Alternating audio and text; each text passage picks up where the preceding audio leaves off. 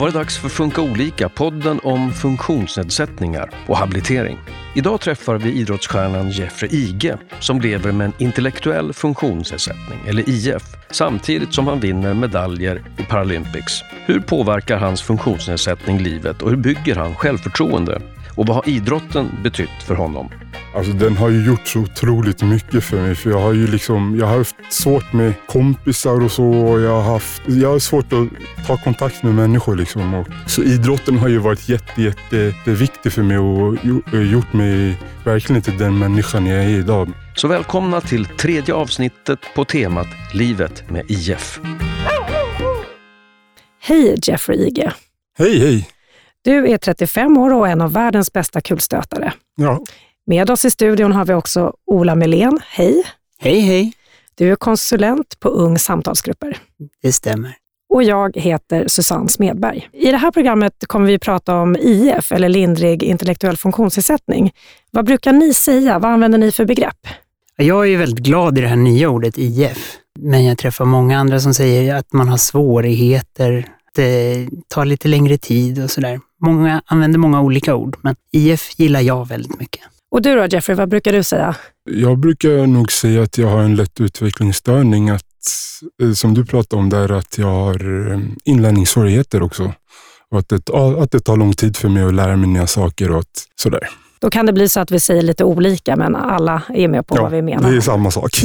samma. Eh, Okej, jag börjar med dig då Ola. Du är ju konsulent på Ung och träffar både unga och eh, vuxna med IF.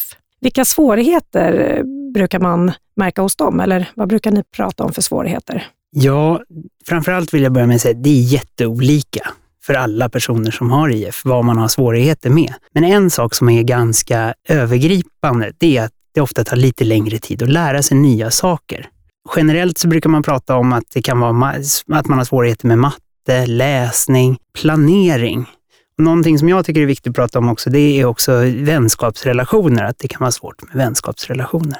Du då Jeffrey, dig har det ju gått väldigt bra för. Eh, har du märkt av någonting av svårigheter på grund av funktionsnedsättningen när det gäller idrotten till exempel? Ja, det är just den här biten att jag känner när jag liksom om man, kan pra- om man pratar rent idrott, idrottsmässigt, liksom, när, jag ska gå göra, när jag ska träna teknik till exempel. Att det, när, jag liksom, när jag inte har gjort en sak tidigare så får jag verkligen fokusera på den och verkligen koncentrera mig på att göra, göra den grejen. För jag, det, det tar liksom längre tid för mig att memorera rörelser och liksom, ja, komma ihåg saker helt enkelt. Eh, och hur kom du in på kulstötning? Alltså jag kan ju säga så här, jag har alltid haft ett idrottsintresse och liksom ända sedan jag var liksom liten att jag gillat att röra mig och springa omkring och leka och sånt där. Och, eh, jag har haft som, hållit på lite med fotboll på fritiden och sånt där och lite så olika grejer. Så jag har alltid haft idrotten. Eh, kulan i sig, den testade jag på första gången i lågstadiet på um, ungdomsspelen. Och där, där skolor tävlar mot varandra. Då. Så det var där första gången jag testade att starta kula. Men det var inte den första grenen jag gjorde, utan första grenarna var höjdhopp som jag körde. Så det var den första grenen. Så kom jag in på kula lite senare. Då. Så, ja. Har det varit eh, mer tacksamt med kulstötning? Jag tänker just eh, att det är eh, Ja, alltså, som jag har liksom vi är ju ganska långa i min familj och sådär. Jag har en lång mamma och sånt där. Och, så jag har ju växt och blivit lång och liksom fått bra hävarmar och sånt i kulan och så. Men um, så jag har alltid liksom, liksom, de här tävlingarna som jag var med på, de brukade jag alltid vinna. Så att det var så det började så att säga. De här svårigheterna som du har tampats lite med, har du hittat några strategier för att det ska bli lättare för dig? Nej, inte, alltså inte sådär liksom som jag är medveten om, utan det har mest bara känts som att jag har mognat på något sätt och liksom kunna, vad ska man säga, jag har lärt mig att ta till mig mina svårigheter, att jag har lärt mig acceptera dem, att, jag, att det tar lång tid för mig och att jag, att jag liksom inte har, som på senare år, att jag lärt mig att lugna ner mig liksom och att jag vet att jag, att jag behöver jobba extra hårt liksom med, med en grej så att säga. Så, så det är väl det jag har gjort som jag, liksom, som jag är medveten om. Idrotten då, hur har den påverkat eh, ditt liv? Alltså den har ju gjort så otroligt mycket för mig. För jag har ju liksom, jag har haft svårt med kompisar och så. Och jag har haft, jag har svårt att ta kontakt med människor liksom. Och, så idrotten har ju varit jätte, jätte, jätte, jätteviktig för mig och gjort mig verkligen till den människan jag är idag med, med mognad som, ja, som person. Och jag har fått åka, åka runt de senaste åren. Jag har fått åka runt och på tävlingar runt om i världen och fått ja, träffa andra människor och sådär. Så det har, ju, det, har ju, det har ju fått mig att mogna jättemycket.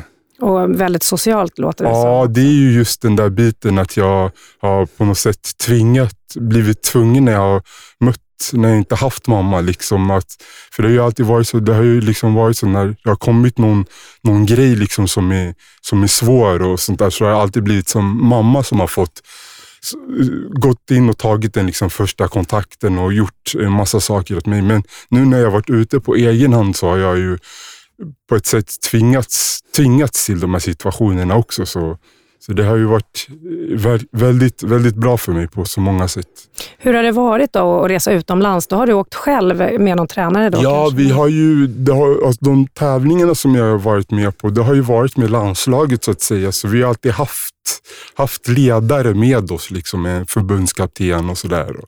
Så att vi har alltid haft en, en person som, som har liksom skött allting med resor och med, liksom, med hotell och sånt där. Så, ja. Du har känt dig lite trygg? Ja, jo men det är ju, så är det ju. Så att det har ju liksom inte bara kommit som en vägg emot den, utan det har ju liksom, vad ska man säga, det har kommit gradvis så att säga. Mm.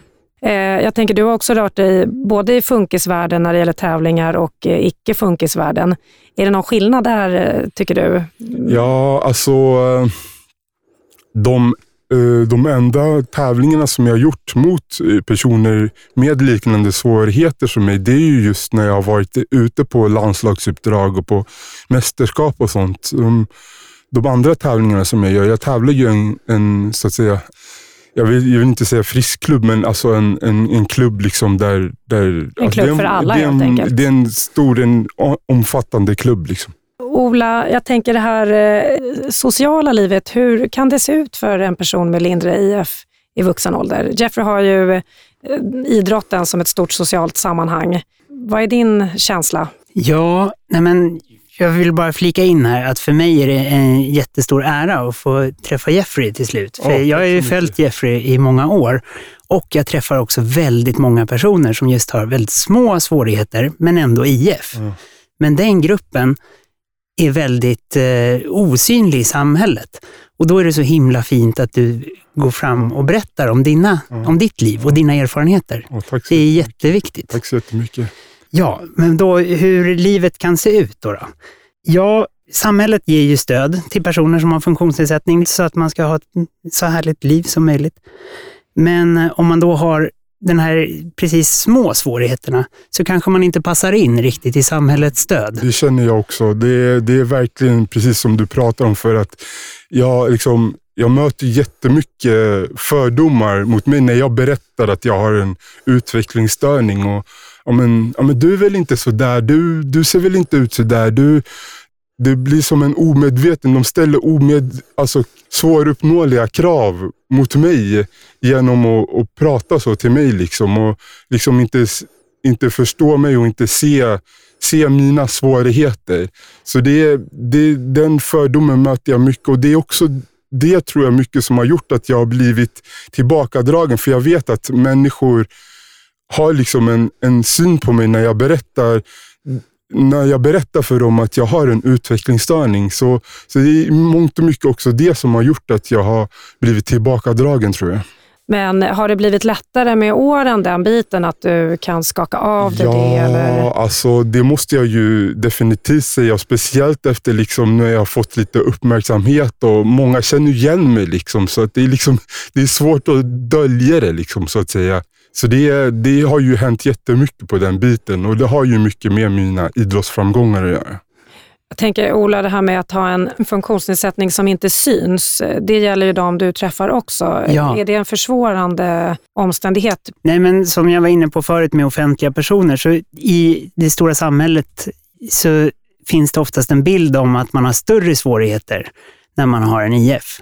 Och folk, folk kan, som Jeffrey berättar, att man blir ifrågasatt, Mm. även fast man berättar om sin funktionsnedsättning. Mm. Och folk har ju väldigt lite kunskap om vad IF är. Men eh, jag tänker i ditt jobb då, Ola, de som du träffar, hur pratar ni om de här sakerna? Alltså, kan man ringa in liksom, vad är det för svårigheter och hur tampas man med det? I mitt jobb, vi tycker det är jätteviktigt att hålla koll lite på sin funktionsnedsättning. Eh, För vi tycker att det är ett bra sätt att bli bra kompis med sig själv. Men vi pratar väldigt, vi pratar om svårigheter, det gör vi. Eh, Men vi pratar väldigt mycket om färdigheter. Vad är man bra på?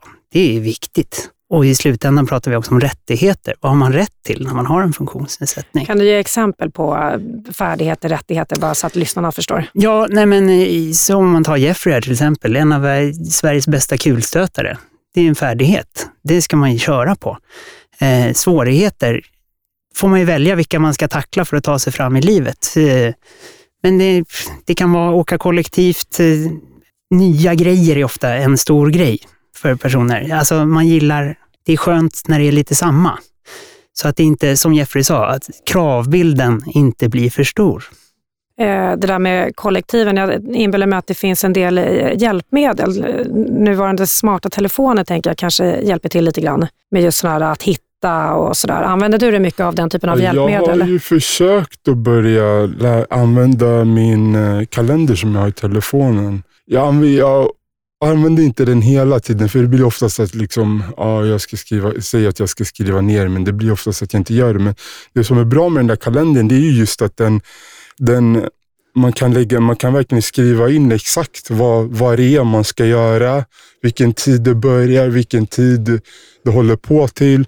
Och så kan man liksom, så är det i telefonen tills man ska göra det. Då, då piper telefonen, liksom, så då behöver man inte tänka på det. Liksom. Och det är, jätte, det är jättebra för mig liksom, som har svårt att få in mycket, liksom, mycket saker i huvudet på en gång. Så det, är- det är verkligen eh, det är, en jätte, det är ett jättebra hjälpmedel. Ja, jag tänker på det. Du måste ju ha väldigt mycket tider att passa. Hur, eh, idag skulle du komma hit en viss tid på en viss plats och dina men tävlingar. Jag hade faktiskt lagt in det där i min telefon också, så att vad heter det? Så det, den, den pep till där, så det var jättebra. Bra. Ja, är det vanligt att hitta sådana där små strategier? Ja, det är ju jättebra. Och nu så är, det, är vi ju i det skedet i världen att eh, den här, alltså alla vi använder ju kognitivt stöd. Eh, och de kognitiva stöden som är för alla är oftast den som passar den här gruppen bäst också. Alltså vanliga kalendrar, vanliga klockor, men eh, man kan ju också dela med andra och sådär om man vill det, om man vill ha hjälp av någon annan, att någon annan har tillgång till ens kalender. Jag byter ämne lite grann här, eller inte ämne, men jag hoppar in till, kommer du ihåg när du fick din diagnos? Oj, jag har inte något, det var tidigt i tonåren i alla fall. Ehm, Hände det någonting då? Bytte du skola? nej, jag har ju alltid gått i så här skola så att säga. Jag har ju, jag har ju vetat om, alltså, vi har ju vetat om att det har varit liksom, att jag haft svårt och att man har misstänkt liksom att jag, att jag har någon form av, av utvecklingsstörning. Då. Pratade man med dig eh, om det här i tonåren först eller när har du känt till det här hela tiden i och med att du har gått i särskolan? Ja, ja alltså redan i ettan, jag märkte, näst, jag märkte det redan nästan första dagen i ettan, alltså hur svårt jag hade att hänga med de andra. Alltså. De andra kunde liksom läsa igenom sidor på en gång och det, det gick inte för mig helt enkelt. Och det, det var svårt att sätta ihop, sätta ihop siffror och sätta, sätta, sådär. Så det, absolut. Har det varit bra med särskolan då? Har det känts Ja, skönt? men just den här biten att vi har haft mindre klasser och att vi har haft, ehm, man har haft mer tid av, med läraren liksom, och att man har liksom fått mer och mer stöttning av läraren så att säga. Ola, är det många som får eh, diagnos eh, i skolåldern? Ja, det är det ju ofta. Eh, att det är då det uppmärksammas av lärare eller föräldrar. Och, för det är då det börjar ställas krav. Liksom. Jag träffar ju också många personer som berättar ungefär samma historia som Jeffrey, att man inte riktigt kommer ihåg när man fick den. Eh, men man, just den här övergången, för det vill jag också poängtera, särskola är ju en, ett stöd man får. Det är en insats. Eh, det är ingenting man blir placerad i. Och hur folk, lättnaden de kände i sitt liv att få börja särskola, där ställs krav ut efter den man är. Och sen gick du också idrottsgymnasiet. Ja, i Bollnäs. Eh, mellan 2000 och 2004 gick jag. Det var ju en jätte... Det var ju också någonting som fick mig att mogna otroligt mycket. Just den här biten att vara borta från mamma och i och med att mamma alltid har varit den här liksom den här skyddsmuren för mig. Och liksom, hon, det har alltid varit hon som har fått ta hand om alla saker och sådana, sådana som, sånt som jag inte klarar av liksom på egen hand och känt mig osäker på. Det har alltid varit hon liksom som har fått ta tag i det. Så nu, jag, nu när jag började i skolan där så fick jag ju ja, aktivt, lite som med, med idrotten, liksom när, jag, när jag började tävla och sånt där, att jag, att jag tvingades till att liksom försöka mig själv så att säga. Och det var idrotten där också som fick dig att börja den skolan? Ja, så visst. Sökte du in. Jag sökte in till eh, Bollnäs där och det var faktiskt så här, jag kan berätta. Eh, de här tävlingarna som jag pratade om förut, ehm, de, ehm, de hade så här, typ, ska man säga, scouter, eller talangscouter från det här idrottsgymnasiet. Så de var ju nere och tittade på, på de här eh, tävlingarna. Så de kom ju fram till mig och frågade, ah, du, vad duktig du är. Liksom. De tyckte att ah, men det här, eh, det här liksom, vill du komma upp till oss och komma upp till oss två veckor och kolla liksom, hur skolan är och sånt där. Och sen, ja men oh, vad roligt. Men jag kände också samtidigt liksom, när jag skulle Ja, det här var ju efter när, när jag skulle söka in, just den här biten att åka hemifrån. Ja, det var ju det som, var, som fick mig att tveka lite grann att åka till Bollnäs så att säga. Men jag bestämde mig för att göra det i alla fall, åka dit och prova där för två veckor. Och sen så, mm, ja, när, jag slutade, när jag slutade tian då, så, mm, så ja, jag sökte in till den skolan helt enkelt och så kom jag in där och så ja, resten är historia. Ja, kul. Är det vanligt med att gå i skola på andra platser? Vi pratade om det tidigare, att det finns ganska många sådana här gymnasier med olika inriktningar. Ja, jag jobbar ju då i Stockholms län, så jag träffar ju personer som bor i Stockholm. Men då finns det ju vissa, Häggviks gymnasium till exempel har ett internat där är, som är mycket uppskattat. Där bor folk från andra... Jag tror till och med att jag varit där. Jag var där faktiskt som, som provperiod ja, faktiskt, ja. ett par veckor. Ja. Eh, innan jag bestämde mig för vilken skola jag ville gå i. Så... Hur var det att sluta skolan då? Var det stor skillnad med krav att plötsligt bli vuxen? Jag hade ju, för jag kom ju i kontakt med Arbetsförmedlingen ganska fort efter skolan. Så jag gick ju en sån här grupp där för unga med, ja, med någon form av, jag vet inte om det var, jag tror att det var med någon form av funktionshinder. Då. Sen så um, uh, genom den gruppen så kom jag i kontakt med Solnahallen. Då. Så, mm, så fick jag åka dit och praktisera lite. Och sen så fick jag lite förlängt. Uh, och sen har jag varit där hela tiden faktiskt. Och sen så sent som, eh, uh, har var 2000, det var 2012, då fick jag en, uh, vad heter det, sån här um, uh, anställning där via, via um, Arbetsförmedlingen, sån här trygghetsanställning. Så det har jag varit sen, sen anställd där sedan 2012. Vad gör du för någonting där, Solnahallen? Det är lite olika. Plocka och städa och fixa och köra lite maskiner och sånt där. Så här, skurmaskin och saxlyft också som jag har behörighet att köra där. Så, så det är lite olika grejer. Kul att vara i en idrottshall tänker jag. Ja, det är det som är så roligt. Alla mina liksom arbetskompisar, de är ju också idrottsintresserade, så de följer ju mig och tycker att det är jätte jätte, jättespännande och liksom, de tycker det är jätteroligt att det har gått så bra för mig och de är så stolta över mig och sådär. Ola, den här övergången att, eh, från skola till att bli vuxen, vilka utmaningar kan man stå inför om man inte har det så här som Jeffrey? Det verkar ju ändå ha funkat ganska bra ja. för dig och gått lätt ja, in på jag, jobb som och sagt, så. Jag har haft väldigt tur med just att jag, att jag valde idrotten. Att jag, och att det, det så upp, liksom, så den här öppningen som kom i idrotten och det. Så, så det, mm, jag vet ju inte vad jag hade varit idag om jag inte hade haft idrotten så att säga. Eh, jo, men jag tänker då på att här av de personerna jag har träffat så stämmer inte den här bilden som du, att det var en så bra övergång från gymnasietiden till vuxenblivandet. Utan ofta, så, du hade en ganska bra upplevelse av Arbetsförmedlingen, eller? Ja, hyfsat. Den gick okej. Okay. Ja, som sagt de hade den här äh, biten, ehm, eh, det var ju just där när jag kom in och så så skulle vi, för efter en, en tid i den där gruppen, så skulle vi gå ut och praktisera på arbetsplatser. Liksom. Och eh, då tänkte jag, men eh, Solnahallen är bra för det är nära hem och så. Sen är det, det är en idrottshall liksom. Och det är liksom människor säkert som, som har någonting med idrott att göra där. Så jag gick dit och frågade liksom om jag kan få praktisera. Eh, det fick jag och så trivdes jag jättebra så fick jag vara kvar där helt Ja, det är enkelt. toppen. Ja. För det är den vägen som ofta är en lyckad väg för dem jag har träffat, att via praktik Ja. skaffa sig en arbete.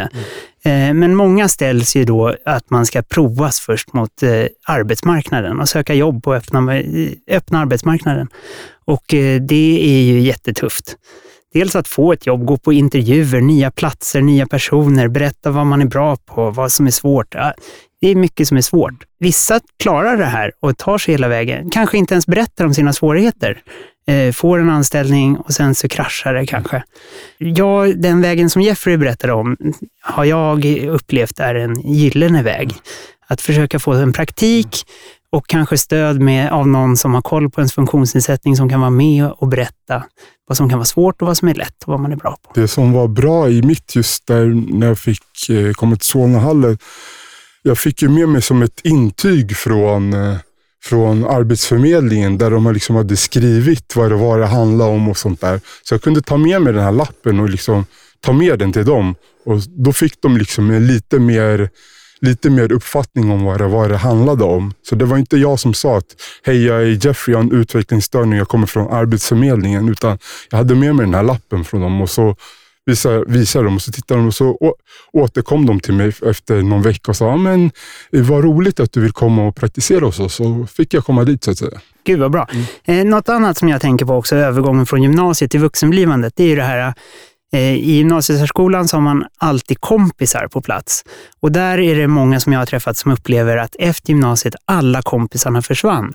För det finns inte det här dagliga att man automatiskt träffar personer. Hur var det för så, dig? Det känner jag ju verkligen och som vi pratade om tidigare, just att jag har ju jättesvårt med att, ta kontakt med människor och sånt där. Så, så det var ju, så har det ju varit stora delar av, eller hela mitt liv kan man säga, att, att jag har ju haft jättesvårt att ta kontakter med andra människor. Eh, både av, som jag, som sagt, alltså, som jag har liksom blivit medveten själv att, att det finns fördomar emot mot mig liksom, och att, jag, att det har gjort en grej. Och sen så just att, att jag inte har varit aktiv själv i, i det här, so, att vara social med andra. Jag har lätt dragit mig tillbaka för att jag, jag har alltid försökt att hitta, jag har byggt eh, murar omkring mig själv. Liksom. Hur är det nu då? Är det fortfarande så? Ja, jag jobbar ju mycket med det. Jag har ju, går ju till en sån här, jag jobbar ju med, går ju till en psykolog med, jobbar med KBT ju. Så, så uh, vi, uh, vi, um, det är liksom, man får ta, jobba med små, små detaljer hela tiden liksom, och liksom, uh, utöka gränserna hela tiden så att säga. Hur, har det hjälpt? Har det gått där ett tag så att du har märkt lite skillnad? Till viss del, men jag känner fortfarande någonstans, det är, liksom, det är så djupt rotat i mig. På något, det, är under så, det har ju varit följt med mig under så många år. Den här biten, den här muren så att säga. Och den här äh, rädslan och känslan att inte bli accepterad för den jag är när jag, när jag, liksom, äh, när jag äh, möter kompisar, när jag pratar med tjejer och sånt där. Det här är ju någonting som jag också har hört väldigt mycket om. Den här kampen som är hela tiden att passa in i den stora världen. Hur, hur personer med lindrig IF då får kämpa. Eh, och det är väldigt svårt att bli accepterad. Finns det något sammanhang? Jag tänker idrotten, men då, då kanske det är just där och då. Men Ola, finns det något annat så sammanhang som folk liksom känner att här är jag hemma och det här Ja, passar mig? Alltså folk som har en fritidsaktivitet som har hängt med länge. Jag hör ju hur viktig den är för personer och det, det brukar vara viktigare för personer med lindrig IF än annars. Nej, men att ha en eh, kontinuerlig rutin där man träffar kompisar, som det var på skolan. Att det är jätteenkelt. Det kan vara svårt att ta upp telefonen och ringa någon efter lång tid och bestämma en träff. Vad ska man göra och sådär. Det är ju som för alla. Det är enklare kanske att man ses och gör någonting och där är man kompisar. Jag tänker nätet då, är det en eh, mötesplats? Det är det ju för många idag. Det, jag har ju som sagt var Facebook. Jag har ju mycket vänner och så på Facebook och sånt. Jag ska faktiskt gå ut och äta med några ikväll, så det ska bli jätte, jättetrevligt. Um, uh, ja, men det är just den där, uh, det är bra, men samtidigt är det svårt för att man vet inte vem det är som är på andra sidan så att säga.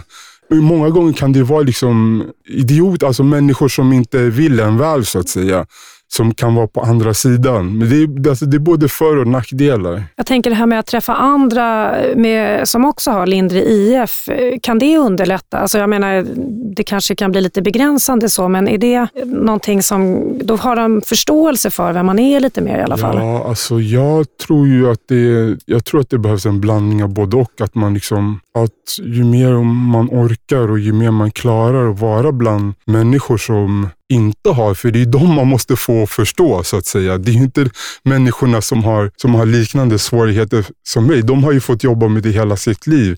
Men det är just alla andra som behöver lära sig. Det är det som är grejen. Det är Vilken kamp du för Jeffrey. Mm. Jag är jätteimponerad att utbilda folk i vad IF är. Mm. Eh, men jag vill också säga, där, alltså, sociala mötespunkter, om det är så att man vill träffa personer som har liknande svårigheter som en själv. Om man har den här lindriga IFen, eh, det finns inte så många. Mm. Det är svårt. Mitt jobb är ju en en, en plats där många söker för att få träffa andra som har liknande svårigheter, för att se vad de brottas med i livet. Men om vi pratar lite det här om andra, det är viktigt att utbilda om IF. Vad, vad vill vi säga då? Hur ska omgivningen tänka? Vad är viktigt att förmedla? Att man kan ha ett väldigt gott liv med IF. Jag upplever att det finns en liten stigma kring IF i samhället, eh, där folk eh, skyr den diagnosen lite. Men det är, det är det är inga konstigheter med IF. Det tar lite längre tid att lära sig. Har det blivit bättre med åren, tänker ni? Hur har det blivit för dig? Ja, det är just den här biten som jag har pratat om, just att jag har jag har ju min, som sagt min IF, så det blir ju mer, det blir ju mer öppet liksom, än att, att inte vara framträdande så att säga. Att inte, när jag har fått vara på Idrottsgalan till exempel, liksom, eh, två miljoner människor som tittar liksom och sådär. Så bara, bara genom den biten att man, att man pratar om det, alltså, oavsett vad man säger, så uppmärksammas det. Och Det är också en del av just den här äh, utbildningen, så att säga. Att, liksom, att få ut ordet till andra, så att säga. Jag tänker svårigheter. Vilken hjälp får du? Du, du bor... Jag bor ju så här, jag har ju en LSS-insats jag, jag, har ju, jag bor i en satellitlägenhet till ett gruppboende. Så de kommer ju titta till mig en gång i veckan och hjälper mig med, ja, med städning och sånt där. Och ibland lagar vi mat. Inte så mycket, men det är mest städningen så att säga. Så, så det är ju det som jag har så att säga ekonomin, är det också något som de hjälper med papper och sådana saker? De kan ju göra det så här med räkningar. Det, är ju, um, uh, det, det, har väl inte funkat så jättebra, för det har alltid blivit att jag i slutändan har... Nu är det ju så bra med de här telefonerna också, när man har de här apparna, för nu kan man ju skanna in de här OCR-numren direkt i telefonen. Så man behöver liksom inte ens... Det är inte ens jobbigt att göra det, så att säga. Däremot kan det bli jobbigt när det blir många olika räkningar, så jag ibland blir det att jag glömmer bort och missar räkningar och då får jag påminnelser och sånt där. Så, så det är jobbigt. Boende och stöd, vad är det för stöd eh, många har så att säga? Ja, för vuxna? Nej, men, eh, gruppbostad är ju en insats som kan vara svår att få via LSS. Det är att berätta om alla sina svårigheter så att man får rätt till det. Eh, där är många som brottas som jag träffar. Men det, när man väl får det så är det en väldigt bra insats. Och då Visst är det så Jeffrey? Man får välja vad man vill ha hjälp med. Ja, precis. Det är det som vi just... Det är jag som har, jag har ju sagt till att jag vill ha, att jag vill ha ja, med städningen och liksom sådär. Så, så det, det, det, är precis så som du säger. Och du har en egen lägenhet jag har en med egen eget lägenhet, kök? Jag har en satellitlägenhet, så jag ja. har ju ingenting... Det boendet, det ligger... Personalen, de kommer ju från, från boendet till mig så att säga. Och det, de ligger en bit ifrån varandra, så jag har ju ingen kontakt med dem förutom på torsdagar. Liksom. Precis det du säger nu tycker jag är viktigt att mm. många ska få veta. Mm. Att det är en lägenhet mm. som alla andra. Precis. Och man får välja hur mycket stöd man Precis. ska ha. Eh, det är en vanlig insats. Daglig verksamhet kan vara en vanlig insats om det är så att det inte funkar med Det hade jag förut också. Du hade det? Ja. ja, det var det jag hade genom Frida-gruppen i Tensta. Och det var, där jag, det var därför jag kunde vara i, på Solnahallen så länge innan och sen så när jag fyllde 30 så gjorde de ju om min eh, prövning från Försäkringskassan. Så då mm, fick jag, liksom, då fick jag inte fullt stöd från Försäkringskassan utan då gick Arbetsförmedlingen in och eh, så att jag fick en sån här trygghetsanställning där. Precis det du berättar nu Jeffrey, är ett superstöd att få. Att man får daglig verksamhet som en praktik, ja. så man får en fungerande arbetsplats och så kan man ha som målsättning att det ska övergå i en anställning. Ja. Funkar det ekonomiskt? Klarar du dig på din inkomst? Ja, alltså jag har ju bättre ställt nu än vad jag hade eh, när jag bara hade fullt liksom, aktivitetsersättning så att säga. Nu har jag 50 procent. Och du bor eh, själv? Jag bor själv. Ja. Eh, hur brukar det se ut på den fronten, eh, Ola? Familj, eh, sambo? Jo, eh, många bor ju själv när man har flyttat hemifrån. Eh, många bor kvar med sin familj, lite längre kanske. Eller ja, i Stockholm så bor ju folk kvar länge hemma i sin familj. Eh, men många bor själv. Och man har relationer kanske, men ofta att man bor var och en för sig. Alltså, Jag har ju min mamma ganska nära boende men hon bor ju också i Tensta. Det är bara några, några fem minuters gångväg från mig så jag har ju alltid henne nära till hands så att säga. Så, ja. Hur är relationen till din mamma? Du verkar ha brutit dig ganska fri. eh, Ja, alltså jag har, jag har väl försökt att göra det mer och mer, men jag har ju fortfarande, jag känner ju fortfarande, i och med att hon har varit, hon har ju varit en stor del av mitt liv, i och med att jag inte haft någon, min, eh, min pappa så att säga, min biologiska pappa, han, eh, han, eh, han eh, stack när jag var, när jag var, vad heter det, när jag skulle fylla fem, så jag har inte haft någon kontakt med honom under 24 års tid. Så det har alltid varit liksom, så att säga, mamma, så mamma har både varit mamma och pappa för mig så att säga. Du har många syskon också? Eller Ja, jag har fyra? Ja. fyra systrar. och jag är mitt, mittenbarn är jag också. Så Är ni nära varandra? ja, vi försöker. Nu bor ju alla lite spritt i stan då så att säga, men, eh, men vi har väl ganska bra kontakt, det tycker jag. Jag tänker det där med föräldrar. Eh, är det van- du säger att många bor hemma lite längre. Är det vanligt att man har nära relation till sina föräldrar och att de har kanske lite svårt att släppa taget om en också? Svårt att släppa taget. Jag vet inte om jag vill hålla med där, för Nej. att eh, föräldrarna, föräldrarollen är ju jätteviktig för personer överlag. Kanske ännu viktigare för personer med IF. För ibland ramlar man mellan stolarna i samhället och eh, då behöver föräldrar ibland vara där och täcka upp. Eh, så folk som har föräldrar har ofta en nära kontakt med föräldrar och att det är en väldigt viktig relation. Vi har tidigare pratat lite om eh, sociala livet. Är det, och du säger att det är svårt att träffa vänner och sådär. Är det några saker som du undviker att göra på grund av din funktionsnedsättning? Ja, men det är just den här, äh, den här äh, rädslan eller otryggheten som jag har byggt på mig under alla år med, liksom, vad ska man säga, den här rädslan för att prata med andra, för att prata med kompisar, för att prata med tjejer och sånt där. Som har med, till stor del har ju mycket med liksom att hur andra har pratat om mig när jag, de gånger när jag har berättat att jag har, har en utvecklingsstörning och sådär. Och att, jag är, att de blir de som de backar tillbaka på något sätt. Liksom bara, va? Är du, har du sådär? Så, som jag sa. Och det har väl gjort som sagt att jag har stängt in mig väldigt mycket i en, i en bubbla. Och det, det är jättesvårt att ta sig ur den efter 20, 35 Förstår år. Liksom. Hur kan man liksom hantera det där? Och det är väldigt många som, nu vet jag inte om jag säger rätt här Jeffrey, men eh, som att man har dåliga erfarenheter av sociala relationer och lär sig tekniken att man kan vara tyst och eh, man inte pratar med så många. Precis, det är väl det, det är väl det är mitt skyddsnät så att säga. Jag, jag drar mig undan och, och inte pratar. Liksom. Och i, i långa loppet kanske det inte blir så bra. Nej, Håller det blir ju, jag, alltså jag, det är ju det är en nedåtgående spiral. Liksom. Det, det blir aldrig bättre av att man inte vågar prata med andra. Liksom. Men jag känner samtidigt att det har ju hänt mycket. Alltså, som att komma hit och stå och prata i mikrofon. Liksom, det hade ju varit otänkbart för inte så många år sedan. Liksom. Så jag känner, jag, gör, jag känner ju att jag gör steg framåt, men det blir som att det blir ett steg framåt, sen typ ett, ett halvt, ett steg bakåt igen. Liksom du sa ju att du går i så KBT nu. Ja. Är det här en del i det skulle du säga, att liksom våga utmana det lite? Ja, men det är det ju definitivt. Det är ju, jobbar ju, det är ju det som är kognitiv beteendeterapi, att man jobbar liksom med, med verktyg, att man jobbar med små, att man jobbar med vanor och rutiner. Liksom. Jag tänker det här med ensamhet och annat. Är det många som du träffar Ola som eh, liksom mår lite dåligt och deppiga och sådär? Ja. Eh, dels, det finns ju olika anledningar. Dels kan det vara att man lever väldigt isolerat. Eh, det kan ju också vara det här med kravbilden som vi har varit inne på. Det ställs för höga krav av samhället på en. Eh, det blir en jättepress. Mm. Man blir utbränd. Och sen så också, så bland de jag träffar så finns det också ganska lite kunskap om de här olika tillstånden som man kan hamna i. Och när ska man söka professionell hjälp? När ska man söka stöd hos anhöriga och sådär? Eh, och är den professionella hjälpen så professionell för den här gruppen? Ja, men det är just den här biten vi pratar om lite, att det går, allting går sånt.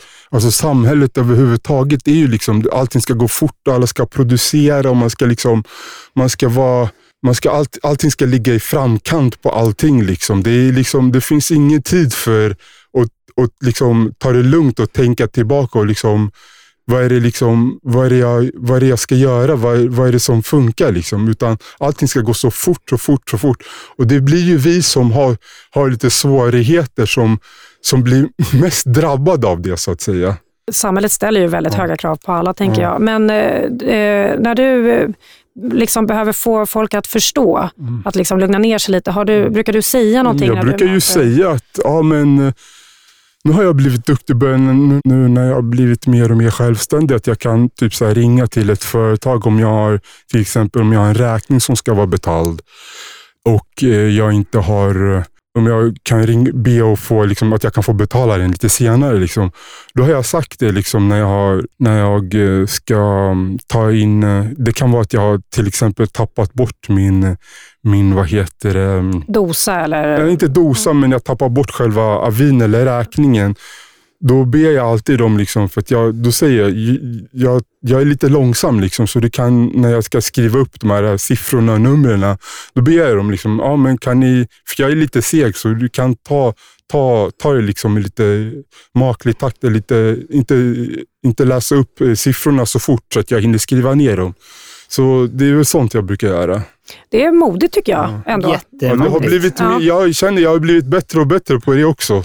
Så, så det, jag känner ju verkligen att det har hänt mycket ja. där också. För Jag tänker att man skulle lika gärna kunna bara ah, och så skriva snabbt mm. och missa. Och så blir det fel. Ja. ja. Så och så mår man inte så bra sen. Ja, men det är ju toppen. Är det, om vi fortsätter lite med det här med att må dåligt. Eh, är det liksom en utsatthet eh, att ha lindrig IF? Är man mer utsatt? Ja, det är ju de här kraven som ställs och Alltså, sen så är det allt det här nya som man kan bli drabbad för när som helst. Man, man lär sig att ta sig till jobbet med kollektivtrafiken eh, och känner sig trygg med det. Och allting känns bra. Men så havererar kollektivtrafiken och det är ersättningsbussar helt plötsligt och det är 10 000 personer som ska ja, på en det, buss. Det, har, det känner jag själv. Och jag speciellt som åker fram och tillbaka. Jag bor ju som sagt på norra sidan. Jag har min träning på södra sidan. Så jag åker alltid pendeltåg varje dag. Och det blir ofta, det blir, speciellt på vintern också när, när uh, vad heter det, spåren, spåren fryser till is. Då brukar det vara både förseningar och sånt där och då kan jag bli väldigt stressad. Liksom. Men jag brukar faktiskt vara ganska duktig och kunna liksom ställa om just den biten om jag behöver ta, ta, ta en, en, en omväg. Så um, jag brukar faktiskt kunna lösa det ganska bra och jag kan prata med värdarna, liksom tågvärdarna och sånt där. Så, så det är absolut. Men där skulle det är vissa... jättetoppen Jeffrey, att, att det gör så. Jättetoppen. För att eh, ibland så kan det här leda till att folk inte överhuvudtaget åker kollektivtrafik. Mm. Och att man då blir hemma istället. För att man är rädd för att det här kanske skulle kunna hända. Att jag måste göra någonting annat än det jag är van vid. Liksom. Ja, precis. Är det andra saker som kan eh, vara svårt eller utsatt läge? Ja, men det är eh, att man känner en väldig ensamhet i livet. Eh, ensamhet är någonting, ett begrepp som Många gillar ju ensamhet, och, men ibland så kan det bli väldigt ensamt. Men jag känner som, eh, om man vill ha vänner. Precis, och. jag känner som, det finns ju, som du säger, det finns ju de som gillar, alltså de som väljer ensamheten. Mm. Men det finns en ensamhet som, som man inte väljer också. Och den är, det är den som är svår att tackla. Liksom. Och vad gör man då? Här står ju facit, Jeffrey, som har sin idrott och man kämpar, man träffar folk genom sin, vad man är bra på. Det är ett väldigt framgångsrikt sätt eh, att eh, försöka ta sig ut i en aktivitet och träffa människor där. Framtiden då? Är det något eh, orosmoment Ja, alltså jag vill ju försöka hålla på med mitt idrottande så länge som möjligt. Det är det som är så roligt också. Det kan man ju göra, för det, det finns ju veteranfridrotter. Så det, det, finns ju verkligen möjligheter att fortsätta hålla på. Sen vet jag inte om jag kommer orka hålla på med, på med det hur länge som helst. Det är ju också någonting jag tänker på och jag vet inte vad jag ska göra efter det så att säga. Det är det som, det kan ju vara, men jag, jag tänker inte så jättemycket på det nu, men det finns någonstans i bakhuvudet ändå, absolut. Ja, jag känner igen många olika oros för, inför framtiden. Dels när man går på gymnasiet, vad händer sen? Sen finns det en oro också när man jobbar. Hur länge kommer den här anställningen hålla på? Vad händer sen? Kommer jag få kicken? Mm. Att det inte förs en tydlig dialog. Man kanske är orolig över sin bostad hur länge får jag bo kvar i min bostad? Kommer de riva upp det här beslutet? Och ekonomin. Och just det, när man fyller 30, nu har du tagit över det steget och fått en anställning. Det är super. Men många är oroliga, vad händer när jag fyller 30 och aktivitetsersättningen tar slut? Mm. Vad gör man då? Jag tänker en grej här och nu, det kan ju funka väldigt bra i vardagen, men här och nu kanske inte funkar när man måste planera inför att skolan slutar eller boendet kanske löper ut. Nej, men det, det, finns, det är ju oftast en oro som man kan få lite svar på. Så be om lite mer tydlighet. Hur ser det ut med den här anställningen? Det är jätteläskiga frågor att ställa, så man kanske behöver stöd att ställa de frågorna. Men också det här LSS-beslutet, hur länge får jag bo här? Liksom och så där. Att, att våga ställa de frågorna, att inte bara vänta på att det ska ta slut. Det här med eh, familj och eh, relationer, är det någonting som eh, du tänker på? Ja, det har, och det har kommit mer och mer faktiskt. Jag, som sagt jag lever ju ensam, så jag har ju ingen som är med mig så att säga. Jag känner det blir, det är just, det är just den här ensamheten jag pratar om, den här ofrivilliga ensamheten. Liksom. Det, det är den som är svår, det är den som är jobbig. Jag träffar ju väldigt många personer som är väldigt nyfikna på att prata om det här med att skaffa egen familj. Och då är det frågor som, hur hittar man en partner? Kommer jag kunna ta hand om mitt barn om jag skulle få barn? Kommer mitt barn få IF också? Kommer folk att ta mitt barn så fort det kommer till världen? Eh, många sådana frågor diskuterar vi i våra grupper. Det här är ett ämne som vi upplever att personen kanske inte har fått prata så mycket om. Hur ser det ut då? Behöver man oroa sig för att någon tar ens barn? Man måste ju kunna ta hand om sitt barn. Det är, där ser man ju till barnets bästa. Det finns också stöd man kan få för att ta hand om sitt barn. De är kanske inte... Det är olika från kommun till kommun hur det stödet ser ut. Det finns för personer som har IF och har kvar sina barn och det går bra.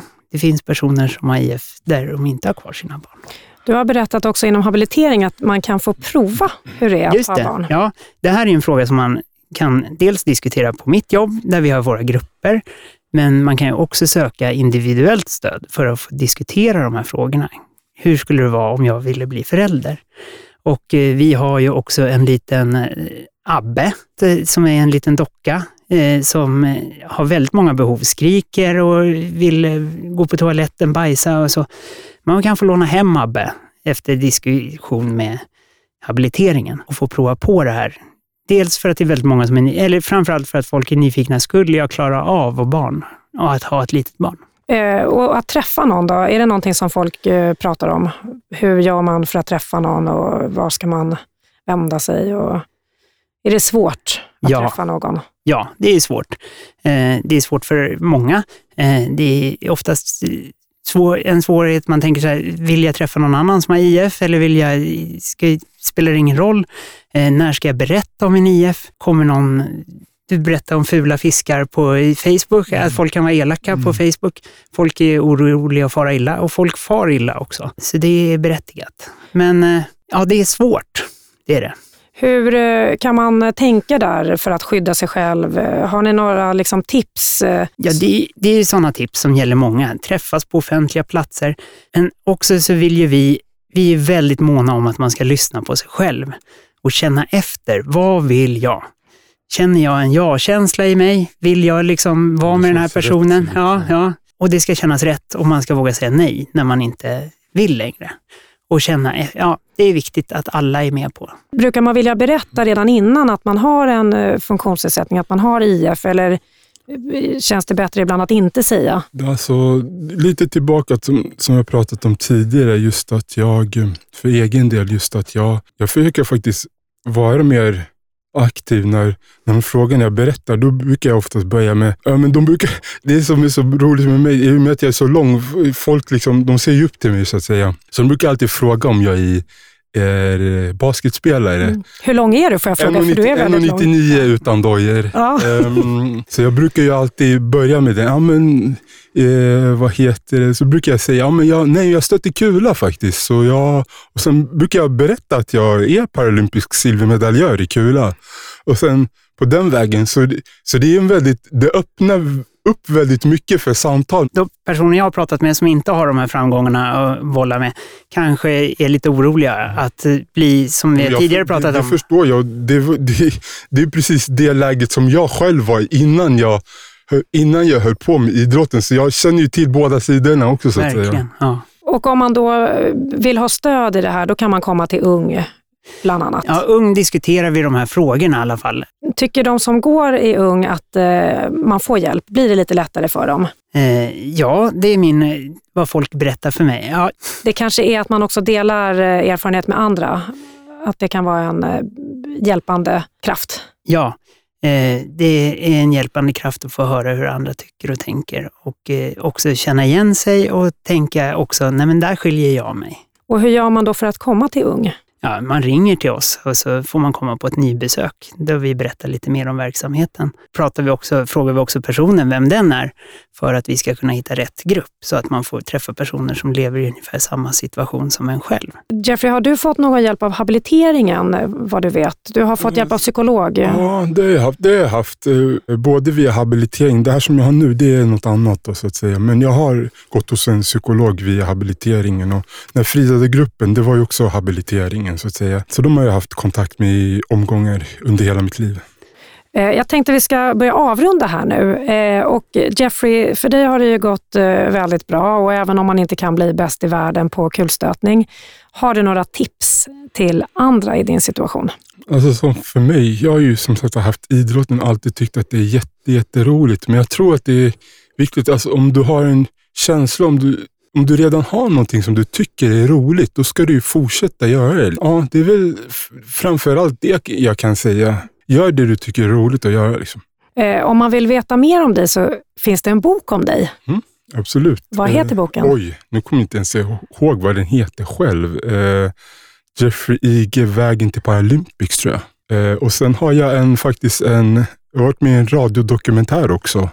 Eh, Jeffrey Ige, kulstötare, eh, som finns på um, Sveriges Radios, deras play där. Ola, har du något som du skulle vilja skicka med till lyssnarna? Ja, att nu har vi pratat jättemycket om hur svårt livet kan vara. Man kan ha ett jättebra liv med IF. Eh, det är ett liv som många andra, men samhället kan vara lite elakt ibland. Eh, man kan ha ett jättebra liv med IF. Och man är inte ensam om att ha IF. Det finns väldigt många som har IF. Jeffrey, ren nyfikenhet, vad har du på gång nu? Är det några nya tävlingar? Just nu är det inte så mycket. Nu var det ju efter EM här som jag... Det gick faktiskt mycket bättre än vad jag trodde. Jag blev ju tvåa där i kula, så det var jätteroligt. Eh, I augusti, 23 augusti tävlade jag, så det, det var jättekul. Och jag var ju skadad hela förra året, så jag, det var första, första säsongen på, på nästan två, ja, sen Paralympics 2016 i Rio som jag tävlade. Så det var verkligen en överraskning att jag tog medalj, så det var jätteroligt. Och nu tänker du att du snart kan slå värld, eller ditt personbästa? Jag ska försöka att ta mitt eh, personbästa och jag vill ju över, jag har ju sagt att jag vill över 16 meter och det tror jag absolut finns alla möjligheter till. Vi håller tummarna för det. Mm. Tack Jeffrey Ige, en av världens bästa kulstötare. Och tack Ola Melén, konsulent på Ung Samtalsgrupper. Tack så mycket. Tack så mycket. Och tack du som lyssnat. Podden Funka olika görs av Habilitering och hälsa inom Stockholms läns landsting. I nästa avsnitt pratar vi om att åldras med IF. Vi hörs då!